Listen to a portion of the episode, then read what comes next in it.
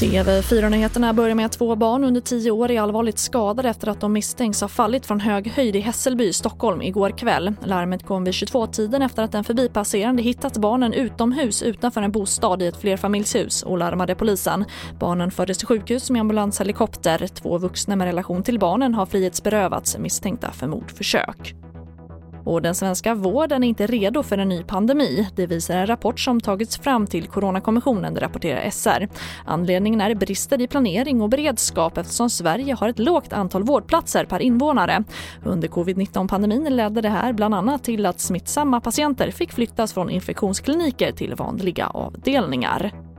Och Sverige missar direktbiljetten till VM efter förlust med 0-1 mot Spanien i Sevilla igår kväll.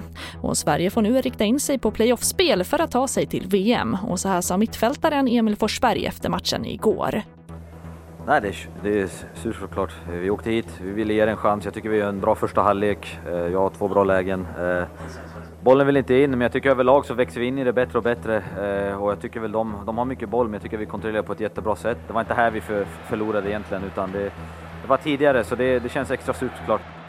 Och det får avsluta TV4-nyheterna. Jag heter Charlotte Hemgren.